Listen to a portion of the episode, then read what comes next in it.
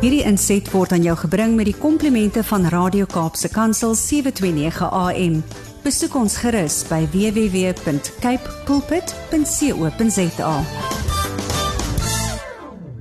Goeiedag en welkom by nog 'n insetsel van Geestesgesondheid net hier op Radio Kansel en Kaapse Kansel. My naam is Gerda Kriel, kliniese sielkundige van Somerset Wes, en ons gesels hierdie maand oor die tema van geslagsgeweld. Hierdie week wil ek stil staan met julle praat oor die impak van geslagsgeweld op die sielkundige funksionering van die persoon wat daaraan blootgestel is.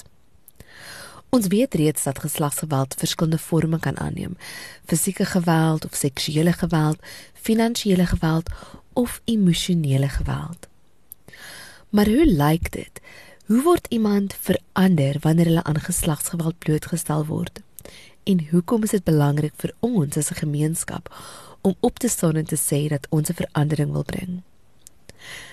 Wanneer iemand aan geweld blootgestel is, enige vorm van geweld, kan hulle simptome van posttraumatiese stresversteuring ontwikkel. PTSD kan veroorsaak dat mense angs beleef, depressie beleef en dat hulle enigiets sal doen om die trauma waaraan hulle blootgestel is te voorkom of te vermy. Dit beteken dat plekke wat hulle van tevore sou besoek, soos sê net maar die huis waar hulle gewoon het saam met iemand wat hulle mishandel het of 'n plek waar hulle 'n traumatiese ervaring beleef het, sal hulle daardie plekke vermy. Mense kan nagmerries of drome hê en ook vrese begin ontwikkel vir ander mense wat miskien glad nie gevaarlik is nie. So geslagsgeweld kan vir vrouens eintlik 'n vrees vir verhoudings gee. Selfs vir verhoudings wat wat goed kan wees of wat reg kan wees en gesond kan wees. Ons weet ook dat veral kinders baie sensitief is daarvoor om aan enige vorm van trauma of geslagsgeweld blootgestel te word en dit is hier waar ek wil sê ons oomblik moet stil staan en praat oor die generasionele impak wat geslagsgeweld het. Geslagsgeweld stop nie net by die persoon wat dit ervaar nie. En dit stop nie net by die persoon wat dit doen nie. Geslagsgeweld word dikwels van een geslag na die volgende aangegee. Nou as gelowiges praat mense soms van uh, generational curses of sins of the father. Maar wat ons in sielkunde sien en beleef, is dat die aangeleerde observeerde gedrag wat volwassenes in die kind se lewe aktiveer, dikwels in daardie kind se lewe herhaal word. Omdat 'n kind reeds op 'n baie jong ouderdom daaraan blootgestel is, is dit soveel meer moontlik vir die kind om as 'n volwassene dieselfde gedrag te perpetueer, met ander woorde om dit te herhaal en dit oor te doen. Dit beteken dat die dogtertjie van 'n vrou wat aan geslagsgeweld blootgestel is, 'n baie groter kans het om in verhoudings betrokke te raak waarin sy self aan geslagsgeweld blootgestel gaan word. Dit beteken ook dat die seun van 'n ouer wat geslagsgeweld gepleeg het of aan by die kind aan geslagsgeweld blootgestel is, ook meer geneig is om aan hierdie gewelddadige geslagsgeweld deel te neem. Daar is natuurlik vir kinders spesifieke stel simptome wat plaasvind wanneer hulle aan geweld blootgestel is. En dit sluit in rou, woede, selfhaat, ongeloof, depressie en angs. Dit is vir ons belangrik om ons kinders te beskerm. En as ons sê ons wil ons kinders beskerm en ons wil vir ons kinders 'n beter toekoms gee, dan is dit ook belangrik dat ons ons vrouens beskerm en dat ons begin om 'n rol te speel teen die geveg van geslagsgeweld. Vrouens wat aan geslagsgeweld blootgestel is, is nie net geneig om sielkundige simptome te hê nie, nee, hulle kan ook dikwels fisieke simptome hê. Simptome soos uitbranding en miskien gewigsverlies, probleme met slaap en dan natuurlik ook 'n verlaagde immuunstelsel soos wat hulle ouer raak en hulle op 'n baie vroeër ouderdom hartvaskiektes en selfs demensie ontwikkel. Die hartseer realiteit van enige fisieke trauma op 'n persoon se liggaam is dat dit 'n impak het, is dat dit die liggaam degenereer net soos wat dit die emosies en die gees kan degenereer. As ons ons kinders wil gesond maak, as ons ons samelewing wil gesond maak, dan is dit belangrik vir elkeen van ons om ons vaandel op te tel teen hierdie stryd. Ons wil gesonde vrouens sien. Ons wil mense sien wat kan floreer. En hoe lyk dit? Hoe raak jy gesond nadat jy aan geslagsgeweld blootgestel is? Dit is 'n pad wat lank is en moeilik om te stap, maar dit kan gebeur. Ek wil regtig vandag vir jou hoop gee dat as jy 'n vrou is wat blootgestel is aan geslagsgeweld, dat jy kan genees. Die heel eerste tree wat jy nodig het om te neem in jou genesingsproses is om weg te kom van die omstandighede af waarin jy aan geslagsgeweld blootgestel word. Ek sê altyd vir mense dat ek is glad nie pro egskeiding nie want ek sien altyd die pyn wat dit veroorsaak.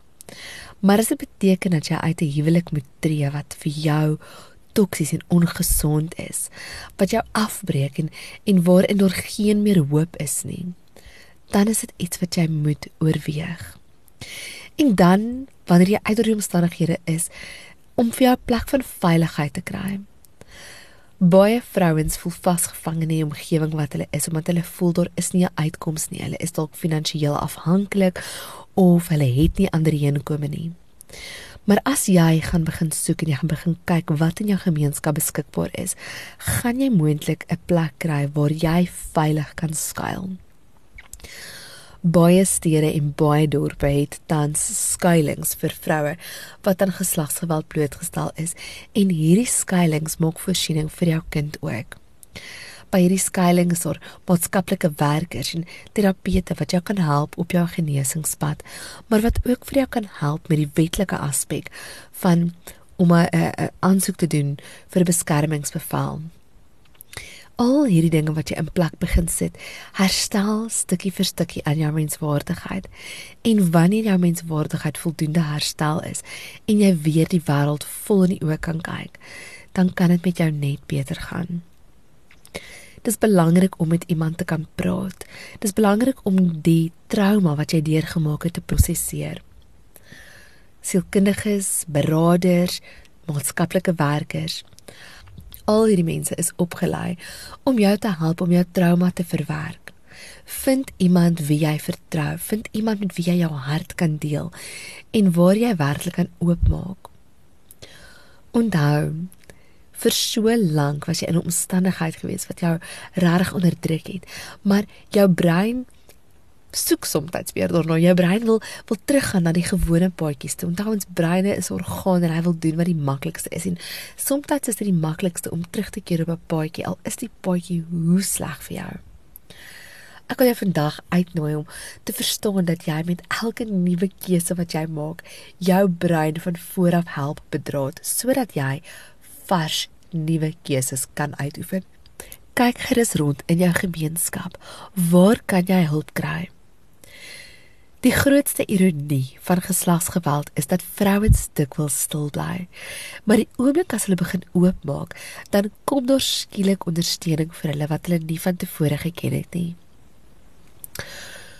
Hoekom wil ons 'n verandering bring aan geslagsgeweld? Hoekom wil ons hê dit moet klaar kry? Want dit raak nie net vir jou nie. Dit raak die generasies wat na jou kom, seuns en meisies. Dit raak ons hele samelewing. As ons sê ons spreek geslagsgeweld aan en ons kan in 'n wêreld leef waar geen geslagsgeweld is nie, waar ons op gelyke voet saam met mekaar kan lewe in vryheid, waar mans nie hoef te vrees vir mense in hulle gemeenskap wat hulle gaan seermaak nie, vrouens nie hoef te vrees dat mense hulle gaan seermaak nie en kinders vry kan wees om die volwassenes in hulle lewens te vertrou kan ons 'n radikaal transformeerde samelewing sien. Getraumatiseerde mense hertraumatiseer dikwels ander mense. En ons wil hierdie siklus verstaan en ons wil dit verander. Dit is my gebed dat jy vandag die moed kry om weg te kom uit 'n omstandigheid wat vir jou sleg is, om dit te doen ter wille van jouself en jou kinders en hulle kinders en die generasies wat na jou kom. Maar is ook vandag my gebed dat as jy nog nooit direk geraak is deur geslagsgeweld nie, jy jou hulpbronne, jou tyd, jou energie, jou geld dalk sal skenk vir 'n organisasie of 'n skuilings wat met vrouens en kinders werk wat aan geslagsgeweld blootgestel is. Hoe dit ook al vir jou lyk, nie een van ons is onaangeraak hierdeur nie. En daarom moet ons saam die die voordeel optel en saam staan hierteen. Mag julle 'n geseënde week hê. As julle enige vrae het oor die onderwerp of enigiets met ons wil deel, kontak asseblief die ateljee en stuur vir ons julle boodskap of e-posse. Ek en Andri gesels volgende week weer in persoon saam en ons kan nie wag om saam te kuier en ook by julle te hoor hoe julle lewens is en hoe ons 'n verandering kan help maak as 'n samelewing nie. Mag jy 'n geseënde week hê en mag die Here werklik op jou reis met jou wees. Totsiens. Hierdie inset was aan jou gebring met die komplimente van Radio Kaapse Kansel 729 AM. Besoek ons gerus by www.cape pulpit.co.za.